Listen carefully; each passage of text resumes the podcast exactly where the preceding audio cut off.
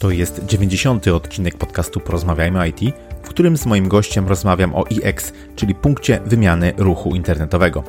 Partnerem cyklu jest Atman, dostawca usług IT dla biznesów w modelu outsourcingu. Przypominam, że w poprzednim odcinku rozmawiałem o języku angielskim w IT. Wszystkie linki oraz transkrypcję dzisiejszej rozmowy znajdziesz pod adresem porozmawiajmyoit.pl łamane na 90. Jeśli jeszcze tego nie zrobiłeś, to wystaw ocenę lub recenzję podcastowej w aplikacji, w której tego słuchasz. Chcę poszerzać horyzonty ludzi z branży IT i wierzę, że poprzez wywiady takie jak ten, publikowane jako podcasty, będę to robił z sukcesem.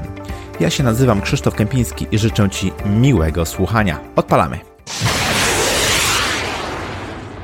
Cześć, osoba, którą goszczę dzisiaj w podcaście od kilkunastu lat związana jest z branżą telekomunikacyjną. Zajmuje się poszukiwaniem, wdrażaniem i utrzymaniem usług, które mają spełnić wymagania klientów pod kątem łączności i bezpieczeństwa. Jest absolwentką Wojskowej Akademii Technicznej i Szkoły Głównej Handlowej w Warszawie. Od 2014 roku związana z Atmanem, gdzie pracuje jako kierownik produktu.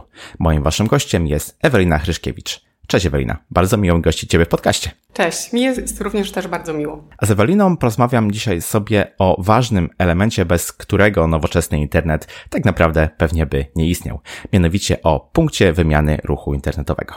Ale zawsze standardowo na początku pytam moich gości, czy słuchają podcastów, jeśli tak, to jakich najczęściej?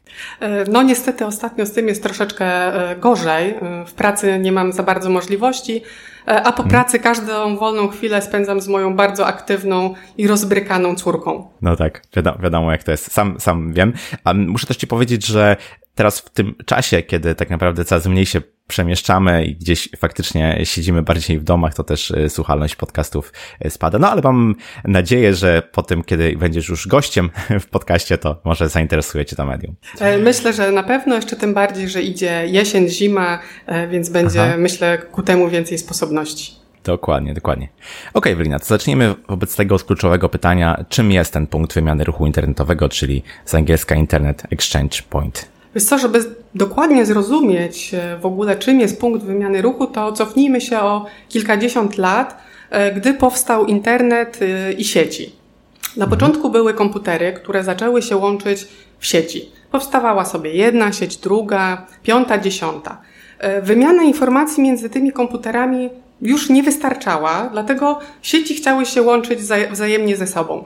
Jak taka jedna sieć połączyła się z drugą siecią, która była w miarę blisko kabelkiem, powstał sobie internet. I teraz jakbyśmy sobie tak spróbowali wyobrazić taką sytuację, gdzie mamy tych sieci bardzo dużo i większość chce się łączyć ze sobą, to tworzy nam się taka bardzo rozbudowana pajęczyna połączeń między e, wieloma mhm. sieciami. Wiadomo, jest to rozwiązanie e, nieekonomiczne, e, nie ma też uzasadnienia żadnego e, technicznego, bo tu jest wiele urządzeń, wiele połączeń, wiele portów. I tak powstała idea punktu wymiany ruchu, czyli takiego miejsca, styku wielu operatorów, którym by się wymieniali ze sobą, ze sobą bezpośrednio ruchem, udostępniając swój ruch IP poza własną sieć i pozyskując ruch z sieci innych dostawców. E, takie rozwiązanie jest bardzo wygodne i skraca czasy połączeń, zmniejsza opóźnienia, e, no i też ogólnie wpływa na obniżenie kosztów e, ogólnych rozwiązania, więc jest bardzo ciekawym rozwiązaniem, z którego korzysta wiele podmiotów okay, czyli po prostu punkt wymiany ruchu internetowego to jest taka, jakby można powiedzieć, naturalna, e, naturalny krok e, w ewolucji właśnie sieci. Czy można jakoś czasowo, powiedzmy, oszacować, powiedzieć, wskazać jakiś mniej więcej okres czasu, od którego w ogóle możemy mówić o tego typu rozwiązaniach? Wiesz co, no to są prawdopodobnie lata 90. E, na rynku mhm. jest, na świecie jest tak się szacuje, e, pewnie ponad e, setka e, różnych punktów wymiany ruchu, być może nawet więcej, bo jest mhm. dużo małych takich punktów lokalnych, a bardziej takie znane to są duże globalne punkty wymiany ruchu, o których możemy poczytać mhm. sobie w internecie. I to były początki właśnie zaraz jak zaczął powstawać internet i cała ta idea wzajemnej wymiany mhm. ruchu. Jasne. Okej, okay, czyli całkiem świeża, można powiedzieć, e, sprawa. Całkiem, całkiem nowe, powiedzmy gdzieś tam, no, nowa zdobycz, jeśli chodzi o e, technologię. Mm, czy mm, mogłabyś powiedzieć, jakiego typu firmy, czy też podmioty w ogóle korzystają właśnie z takiego punktu wymiany ruchu i po co to robią, jakie korzyści e, dla użytkownika z korzystania właśnie z tego typu usług wynikają? Y, tutaj sprawa jest dosyć prosta, bo mamy powiedzmy sobie e, jasno zdefiniowanych głównych odbiorców usługi, bo są to przede wszystkim duże i małe ISP, telewizje kablowe, operatorzy telekomunikacyjni, dostawcy treści, czyli tak zwany content providerzy, portale społecznościowe czy serwisy gier. A mhm. jeżeli chodzi o, o korzyści, to ja myślę, że taką niewątpliwą zaletą punktów wymiany ruchu jest e, dostęp do wielu usług i operatorów w jednym miejscu. E, co też jest bardzo istotne, to między tymi e, operatorami bardzo znacząco skracają się czasy transmisji, co w wielu przypadkach jest bardzo kluczowe. Dodatkowo dla takiego mniejszego uczestnika Uczestnictwo w punkcie wymiany ruchu to jest możliwość zakupu łączy od e, innych dostawców w atrakcyjnych cenach. Gdybyś mogła powiedzieć, bo ty powiedziałaś o dużych e, firmach, powiedzmy później o mniejszych uczestnikach, jakiego pokroju to są firmy pod względem wielkości? Czy mówimy tutaj o największych e, takich liderach faktycznie rynku, którzy są takimi najistotniejszymi e, podmiotami, czy też można powiedzieć, że mniejsze firmy też mogą sobie pozwolić na udział tutaj właśnie i korzystanie z takiego mm, punktu wymiany ruchu? Jak najbardziej. Zarówno ci duzi globalni, tutaj mówimy o operatorach na przykład telefonii komórkowej, E, czy telefonii stacjonarnej, e, ale również i małe, lokalne ISP. To jest jak najbardziej e, usługa, która jest skierowana do takiej grupy docelowej. To wobec tego, czy każdy podmiot może się podłączyć, każdy przedmiot każdy podmiot może skorzystać z tego typu usługi, czy też musi, musi spełniać jakieś określone e, wymagania wcześniej? E, tutaj mamy e, określone wymagania, techniczne wymagania, ponieważ uczestnik, który chciałby się podłączyć do punktu wymiany ruchu, musi posiadać adresację IP i numer AS. Numer AS to jest taki unikalny identyfikator, który rozróżnia sieci, inaczej tak nazywane systemy autonomiczne w internecie ale nie jest to przeszkodą, jeżeli jest jakiś klient, firma, która widzi potrzebę skorzystania z punktu wymiany ruchu, a e, nie ma przydzielonego takiego numeru AS czy czy adresacji. E, Atman jest lirem, czyli takim e, lokalnym rejestratorem internetowym. Klient podpisuje z Atmanem specjalną umowę, na, mo na mocy której Atman występuje do RIPE, a RIPE jest taką organizacją, która zarządza tymi zasobami AS i IP w Europie i w imieniu klienta załatwia wszystkie formalności. E, więc tutaj nie ma żadnych e, przeciwwskazań. My jesteśmy w stanie e, pomóc klientowi, który chciałby się podłączyć do punktu wymiany ruchu, załatwić wszelkie formalności, tak by uzyskać te adresy i numer mhm. AS. Jasne, a czy jest wymagany powiedzmy jakiś audyt, jakaś forma sprawdzenia takich zasobów, które są później właśnie dołączane do tego punktu wymiany ruchu? E, nasza technika, jak jest uruchamiany taki punkt wymiany ruchu, oczywiście weryfikuje takie, e, takie informacje, e, mhm. ale tak naprawdę to klient, operator mający przydzielony numer AS, też można go sprawdzić sobie w dostępnych źródłach w internecie, więc to już na etapie, że tak powiem, podpisywania umowy e, przedstawiciel mhm. handlowy wie, czy, czy dana organizacja może przystąpić do punktu wymiany ruchu, czy trzeba do, dokonać tych e, dodatkowych formalności. Jasne, mówiłaś na początku, że ponad setka, tak jeśli dobrze pamiętam, jest tych punktów e, wymiany ruchu. Jakie są najważniejsze właśnie tego typu punkty w, w Polsce? Bo wiem, że jako Atman również świadczycie tego typu usługi, prawda? E, tak, e, to może nawet nie, nie setka, tylko pewnie kilkaset, jak weźmiemy sobie, mhm. jak spojrzymy sobie e, globalnie. W Polsce główne takie punkty wymiany ruchu to zazwyczaj są ulokowane w większych miastach. Tutaj mam na myśli Warszawę, Katowice czy Kraków. Oczywiście mhm. są małe, lokalne punkty wymiany ruchu również w innych miastach, ale te główne których w zasadzie ja najczęściej myślę e, i biorę pod uwagę, to są e, cztery, e, jeżeli mhm. chodzi tutaj o nasz polski rynek. I może pokuszę się o taką krótką charakterystykę, jak odbieram każdy z tych punktów wymiany ruchu. Zacznę od Epixa. Epix jest największym w Polsce niekomercyjnym punktem wymiany ruchu, który działa na zasadzie stowarzyszenia i jest zarządzany przez takich właśnie małych operatorów ISP. Główne takie węzły dostępowe umożliwiające podłączenie do punktu wymiany ruchu znajduje się w Katowicach i w Warszawie. Jest to punkt, który ma największą liczbę uczestników, pewnie mhm. już około 800, ale jest to bardzo duża grupa małych, lokalnych ISP, głównie z południa kraju. Z południa, czyli tutaj z Katowic, bo w Katowicach jest ten taki główny węzeł, mhm. który powstał na samym początku. E, ze statystyk udostępnianych na, na stronie e, można przyjąć, że łączny taki poziom ruchu to jest pewnie już 1800 gigabitów na sekundę. E. Przypuszczam, że jest to suma ruchu tak zwanego open peeringu i tranzytów do dostawców zagranicznych, hmm. węzłów zagranicznych czy innych transmisji do dostawców IPTV. Co też jeszcze tutaj jest ważne, to myślę, że e, to, że oferta Epixa jest dosyć rozbudowana i umożliwia dowolny dobór komponentów i, i ich parametrów i na tej podstawie następuje rozliczanie. Mhm. Wadą, myślę, i to, na co klienci zwracają uwagę, to jest brak gwarancji SLA. Mhm. Co na pewno przy częstych i poważnych awariach e, nie jest komfortowe ani dla uczestników węzła, ani dla ich e, użytkowników końcowych. E, no bo tutaj, jeżeli mówimy o wysokiej awaryjności X-a, może się to przełożyć na wizerunek takiego lokalnego operatora jako dostawcy usług, no a mhm. później na konieczność obniżania cen, zmniejszania liczby klientów końcowych.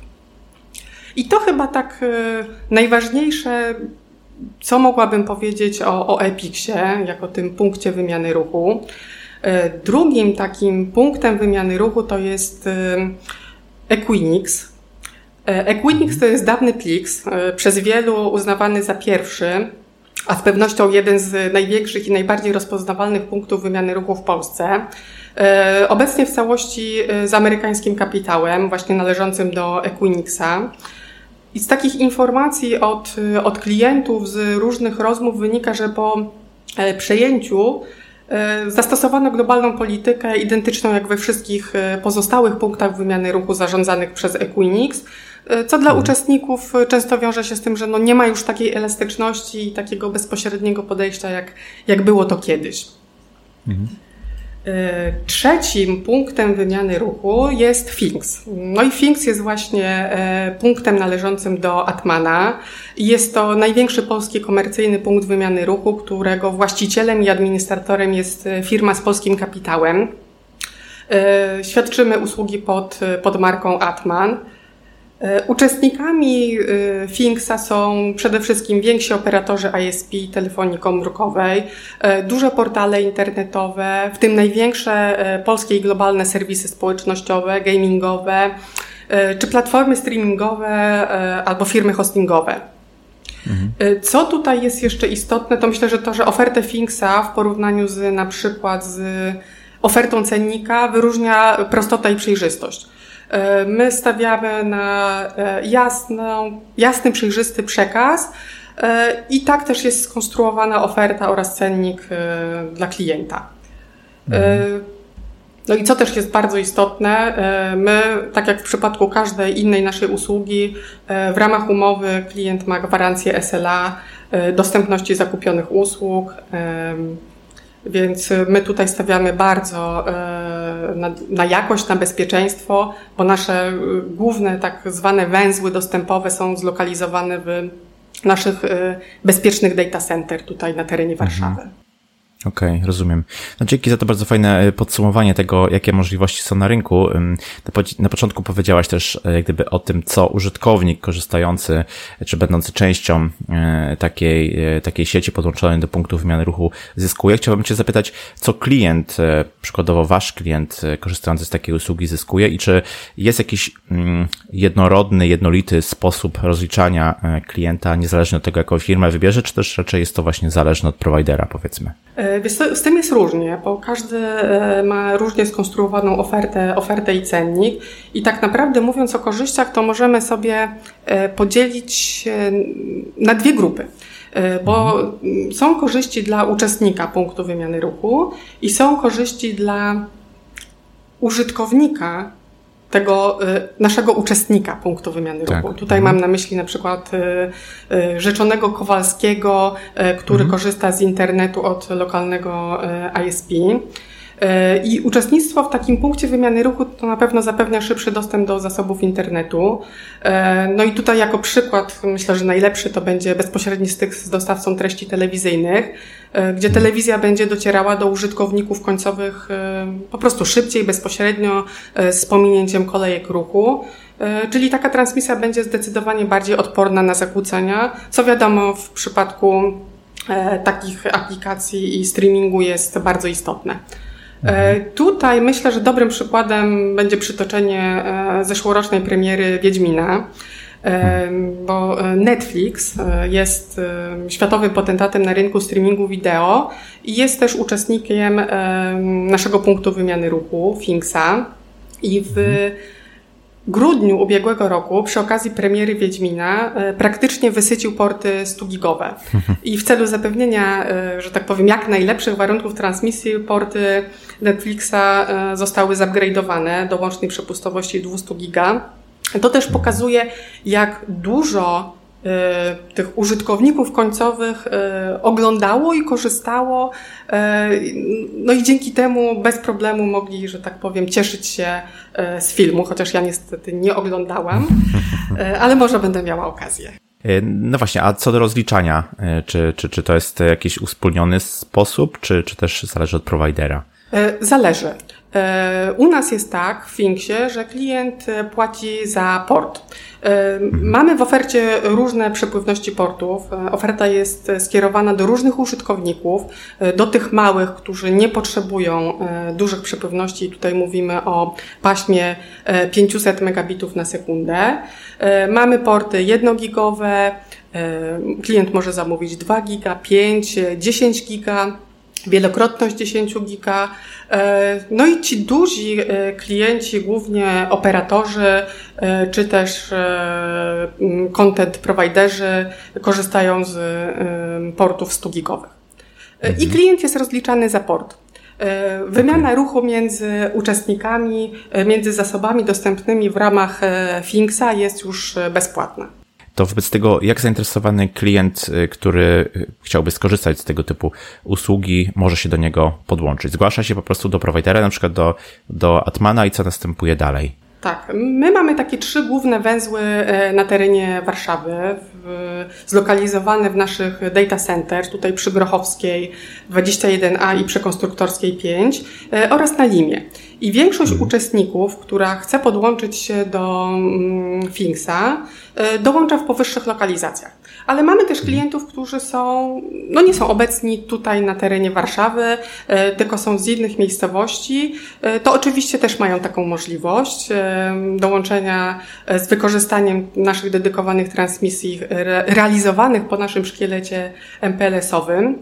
I dzięki takiemu rozwiązaniu e, klienci z innych lokalizacji mogą korzystać z zasobów Finksa mm, w pełnym wymiarze. I klient, który e, chce dołączyć do punktu wymiany ruchu, może dołączyć w 24 popach, czyli takich punktach dostępowych i one są ulokowane w 14, 14 miastach, tak jak już wspomniałam, Warszawa, mamy mhm. Katowice, Gdańsk, Koszalin, Szczecin, Poznań, Płock, Łódź, Białystok, Radom, Lublin, Wrocław, Gliwice i Kraków. Chyba wymieniłam mhm. wszystkie. A jak taki punkt, powiedzmy, jestem ciekawy, tutaj mm, z pewnością wielu osób technicznych e, nas e, słucha, jestem ciekawy, jak właśnie od strony technicznej taki punkt e, działa i wygląda. Jakbyś mogła zdradzić parę, parę zasad działania takich trochę technicznych, to byłoby pewnie super. Dobrze, to, to może takie najważniejsze, najważniejsze informacje. O, o części już wspomniałam, o tych głównych węzłach, które tworzą punkt wymiany ruchu. One są zainstalowane tutaj na terenie Warszawy, e, w centrum danych naszym na Grochowskiej, Konstruktorskiej i na Limie. I y, urządzenia zainstalowane w tych lokalizacjach tworzą tak, y, to są tak zwane root serwery i połączone są w taką dużą domenę broadcastową. I to, o czym tutaj muszę nadmienić, to, no, to jest to właśnie o tych naszych e, data center, e, czyli lokalizacjach, które spełniają najwyższe normy i standardy bezpieczeństwa, e, bo to jest bardzo ważne, gdzie, gdzie są ulokowane, gdzie jest ulokowany ten sprzęt. No bo mamy różne sytuacje kryzysowe i, i myślę, że tutaj też wiele razy z wieloma osobami na ten temat rozmawiałeś i, i mamy świadomość, jak to są ważne, tak. Mm, ważne aspekty. Mhm. Ale tak, wracając. I dzięki temu, że mamy zainstalowane takie maszyny w takich fizycznie odległych od siebie e, niezależnych lokalizacjach, e, zminimalizowano taki ewentualny wpływ awarii, której skutkiem byłoby rozpięcie domeny. E, no i mhm. uczestnik po prostu zawsze będzie osiągał dostęp do zasobów PWR Things. Mhm. U nas jest tak, że wszystkie urządzenia sieciowe warstwy drugiej modelu OSI, które tworzą właśnie taki punkt wymiany ruchu, są e, urządzeniami klasy operatorskiej, e, a węzły, czyli te na terenie Warszawy i poza Warszawą, e, łączone są z wykorzystaniem technologii 10, 40 i 100G. A tam, gdzie jest to konieczne, to po prostu stosujemy bundle zwielokrotniające przepływność. Zastanawiam się, w jaki sposób monitoruje się tego typu usługi, kto to robi, no bo tak jak powiedziałaś, Dobrze jest, jeśli provider e, tego typu usługi charakteryzuje się bardzo wysokim e, SLA. No jest to dla wielu firm korzystających, dla wielu klientów jakiś element e, krytyczny ich działalności, pozwalający na właśnie takie ciągłe działanie. Więc no, monitorowanie, domyślam się, jest niezwykle kluczowe. Jak, jak wy to realizujecie? Tak, e, jest to bardzo, jest to bardzo ważne, bo zresztą tak jak zauważyłeś, dla, dla wielu klientów jest to element e, krytyczny e, i wielu klientów oczekuje wysokiego SLA i w ogóle SLA. My w tamtym roku zostaliśmy uznani jako operatora, jako operator usługi kluczowej. To na mocy ustawy o Krajowym Systemie Cyberbezpieczeństwa która określa takich operatorów usług kluczowych jako firmy e, i instytucje świadczące usługi o istotnym znaczeniu dla utrzymania krytycznej działalności społecznej lub gospodarczej. E, tak mhm. to jest ładnie zdefiniowane. Jest to dla nas na pewno bardzo duże wyróżnienie, ale które nakłada na nas też pewne obowiązki. W związku z powyższym mamy wdrożone odpowiednie procedury i zasady działania w oparciu o międzynarodowe standardy ISO w, przeróżnych obszarach. Mhm. Tak, monitorowanie ciągłości działania komponentów e, usługi. Tutaj mamy nasz zespół e, NOC, Network Operation Center, e, który zapewnia nieprzerwane monitorowanie ciągłości działania wszystkich komponentów, a na wypadek jakiejś awarii, niedostępności są opracowane i testowane różne plany postępowania. Mhm. Mamy podział odpowiedzialności za poszczególne obszary systemu, co jest bardzo ważne, żeby poszczególne role i odpowiedzialności były e, odpowiednio zdefiniowane i przydzielone, żeby każdy wiedział, e, czym się zajmuje. E, mamy dokumentację, która stanowi opis architektury rozwiązania, która jest stale aktualizowana i utrzymywana. E, tak jak już wspomniałam, e, wykorzystujemy urządzenia klasy operatorskiej, e, które mają zapewnioną opiekę serwisową. Mamy też określone kryteria i warunki skorzystania z usługi, jaki ruch jest dozwolony w ramach Finksa. To już nasi koledzy z, technicy, z techniki, rozmawiając z klientami, po prostu definiują, mhm. jaki ruch może zostać i może zostać skierowany do, mm, do punktu wymiany ruchu.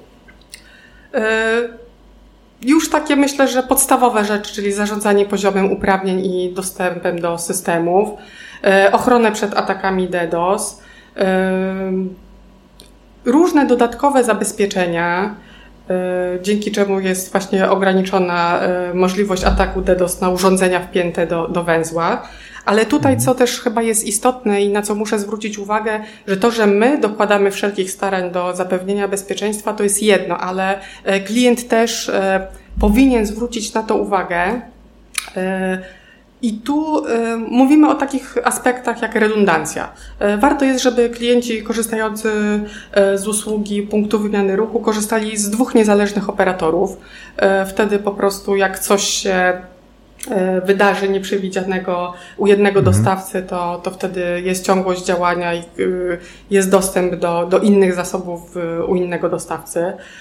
Szyfrowanie połączeń, o tym się też Mówi się, ale nie wszyscy też e, do tego podchodzą, że tak powiem, w taki sposób. E, może poważny będzie zbyt e, tutaj dużym słowem. Może na serio. Może na serio. Ale powinni zwracać na to uwagę, tak żeby te łącza transmisji danych też były zaszyfrowane. Tutaj są stosowane różne rozwiązania i na przykład przy pomocy protokołu MAXEC możemy szyfrować łącza transmisji danych mm, na warstwie drugiej. E, no i monitorować łącze. E, Atman w ramach e, strefy klienta, takiej aplikacji, która jest udostępniona klientom, daje możliwość weryfikacji, weryfikacji statystyk ruchu w zadanym przedziale czasowym. Klient może sobie zweryfikować E, jakie było wysycenie e, łącza i w razie konieczności po prostu modyfikować e, konfigurację własnych komponentów, czy to zlecać upgrade tutaj do mhm. nas, tak żeby usługa działała nieprzerwanie. Faktycznie sporo tych punktów, ale myślę, że to jest istotne, jeśli chodzi o jak gdyby świadczenie usług na poziomie usług bezpiecznych i z jakimś określonym poziomem, mm, jakimś poziomem SLA. Na pewno ja myślę, że nawet nie wymieniłam wszystkiego. To są takie podstawowe i najważniejsze rzeczy, e, ale jakby się tak mocniej zgłębić, to ta lista pewnie byłaby e, dużo dłuższa. No ja tutaj mówię o takich e, najważniejszych aspektach, na które, mhm. na które należy zwrócić uwagę. Jasne. Chciałbym Cię zapytać o taki typ klientów korzystających z Internet Exchange Point, którymi są właśnie mm, dostawcy usług typu e, CDN, które działają właśnie jako sieci dostarczające treści. W jaki sposób one, e, ci, te firmy korzystają z punktu wymiany ruchu, by świadczyć swoje usługi? E, tak, wiesz co, kontentodawcy to tak naprawdę bardzo ważni uczestnicy punktu wymiany ruchu, no bo to od nich w zasadzie się zaczyna, bo mhm. po to są ci pozostali uczestnicy ISP, operatorzy, których użytkownicy korzystają z tych kontentów udostępnionych w ramach punktu wymiany. E, I każdemu takiemu dostawcy treści zależy na tym, by być jak najbliżej użytkowników końcowych. W większości to jest tak, że CDN-y z dużymi sieciami mają bezpośrednie połączenia, no ale na rynku jest wielu lokalnych dostawców i to głównie dla nich tacy kontentodawcy lokują się w, w X-ach. E, no i wyobraźmy sobie właśnie takiego typowego Kowalskiego, e, który korzysta na przykład, nie wiem, z Facebooka, e, czy już Netflixa, o którym wspominałam. Mhm. Tutaj czas ładowania strony czy streamingu musi działać ekspresowo. No i właśnie taki lokalny dostawca internetu, będący uczestnikiem punktu wymiany ruchu, ma dostęp do tych CDN-ów. A dzięki temu jego klienci, czyli właśnie ten życzony Kowalski, może korzystać z, z Facebooka, Netflixa czy YouTube'a bez zakłóceń jak gdyby punkt wymiany ruchu to jest jedna rzecz, ale niekiedy taką usługę wzbogaca się jakieś dodatkowe e, możliwości, jakieś usługi poboczne dla e, klientów. Widziałem to na stronach e, Atmana, ale też innych prowajderów tego typu. Mm, jakiego typu to są usługi? Jak to u Was powiedzmy wygląda w Atmanie? E, tak, to prawda. Są, są różne modele, są różnie skreowane oferty przez dostawców. E, my w ramach naszej oferty e, udostępniamy klientom skorzystanie z usług dodatkowych, takich jak peering, czyli to jest tranzyt ruchu IP do wszystkich sieci zagranicznych dostępnych w węzłach DECIX i Giganet, ponieważ my jesteśmy w pięci do tych dwóch punktów wymiany ruchu. E, jeden na wschodzie, czyli Giganet, e, drugi na zachodzie, czyli Decix. Taki Decix jest takim największym punktem wymiany ruchu tutaj na, na, na zachodzie, takim hubem, który łączy e, wszystkie pozostałe punkty wymiany ruchu i tam jest najwięcej zasobów, takich globalnych. E, dodatkowo klient może skorzystać z usługi Transit Global, czyli tutaj jest tranzyt ruchu IP do wszystkich sieci zagranicznych, e, tutaj wybranych operatorów Tier 1 e, oraz węzłów Decix i Giganet. Czyli tym samym taki uczestnik, tutaj głównie ISP, może sobie dobierać różne komponenty i tworzyć na tej bazie swój dostęp do, do internetu, który później udostępni swoim użytkownikom końcowym. E, I co jest tutaj e, ważne i na co należy zwrócić uwagę, to to, że my oddajemy usługi na tym samym porcie. Klient mhm. definiuje tylko interesującego pasmo, czyli dla przykładu, jeżeli klient ma wykupiony port 1 gigabit na sekundę i chce dodatkowo usługę Transit Global, na przykład, nie wiem, 200 megabitów na sekundę, czyli tym samym ma dostęp do Open Peeringu 800 megabitów na sekundę i 200 megabitów tego Transit Globala. E, I to jest mhm. oddawane na, ty, na, tym samym porty, na tym samym porcie. E, usługi dodatkowe są oddawane na oddzielnych wilanach, e, a klient płaci tylko za dodatkowo zdeklarowaną wartość pasma poszczególnych usług. Chciałbym Cię zapytać jeszcze o to, jakie wyzwania stoją przed punktami X i firmami właśnie świadczącymi tego typu usługi, w którym kierunku powiedzmy ta branża będzie się według Ciebie w najbliższym czasie rozwijać? Co, myślę, że to jest Trudne pytanie. Prowadzone są różne dyskusje w tym zakresie i, i, chyba ciężko jest jednoznacznie stwierdzić, co będzie za, za 10-20 lat. No jedno, co jest pewne, to zmiana. E, zresztą cały czas w niej e, funkcjonujemy. Obecnie widzimy ogromny rozwój internetu rzeczy i możemy sobie wyobrazić taką sytuację, że nie wiem, za kilka lat wybieramy się na wakacje, teraz mamy jeszcze sezon wakacyjny, wsiadamy do samochodu i mówimy adres docelowy, sami się rozkładamy wygodnie w fotelu, wyciągamy książeczkę i w zasadzie czujemy się już jak, tak, jakbyśmy byli na urlopie. Samochód sam jedzie. Tylko żeby dowiózł nas do tego miejsca docelowego bezpiecznie i w całości, to musi być nieustanna wymiana danych e, w czasie rzeczywistym z otoczeniem.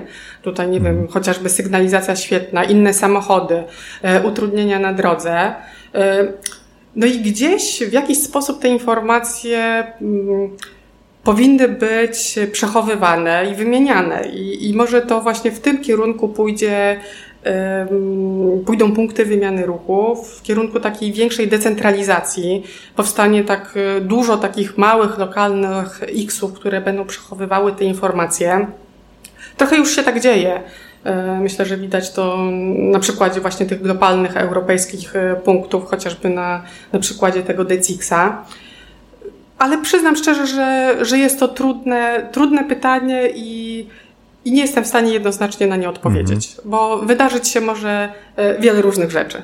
Jasne, jedno, jedno jest pewne, na pewno będzie zmiana, o której e, powiedziałaś, na pewno będzie rozwój. Świetnie. Mm, bardzo dziękuję za e, rozmowę. Często korzystamy z internetu. Wydaje nam się to takie oczywiste i transparentne. Tymczasem mm, pokazałaś, jak wiele technologii, jak wiele zaawansowanych rozwiązań jest gdzieś tam mm, pod spodem i jak ważne jest też to, żeby korzystać w tym aspekcie z dostawcy, który będzie solidny, który będzie też w stanie zapewnić odpowiednią jakość usługi. Dziękuję jeszcze raz za rozmowę i na koniec powiedz proszę, gdzie Cię można znaleźć w internecie, w jaki sposób się z Tobą skontaktować? No chyba standardowo LinkedIn, y, obecnie najpopularniejszy i Facebook. Super. Dodam oczywiście wszystkie linki do notatki tego odcinka z mojej strony. Jeszcze raz bardzo dziękuję i do usłyszenia. Cześć. Ja również bardzo dziękuję. Cześć. I to tyle z tego, co przygotowałem dla Ciebie na dzisiaj. Mam nadzieję, że teraz lepiej rozumiesz, jak działa obecnie sieć internet oraz jaką rolę sprawują w niej punkty IX, czyli punkty wymiany ruchu internetowego. Jeśli doceniasz to, co robię, wesprzyj mnie na Patronite. Mój profil znajdziesz pod adresem porozmawiajmy.it.pl łamane na wspieram. Link również w notatce do tego odcinka. Jeśli masz jakieś pytania, pisz śmiało na krzysztofmałpa.porozmawiajmy.it.pl Jeśli spodobał Ci się ten odcinek i chcesz przegapić kolejnych epizodów podcastu, zasubskrybuj go w swojej aplikacji podcastowej. Ja się nazywam Krzysztof Kępiński, a to był odcinek podcastu Porozmawiajmy IT o punkcie wymiany ruchu internetowego. Zapraszam do kolejnego odcinka z cyklu realizowanego z firmą Atman już za dwa tygodnie. Cześć!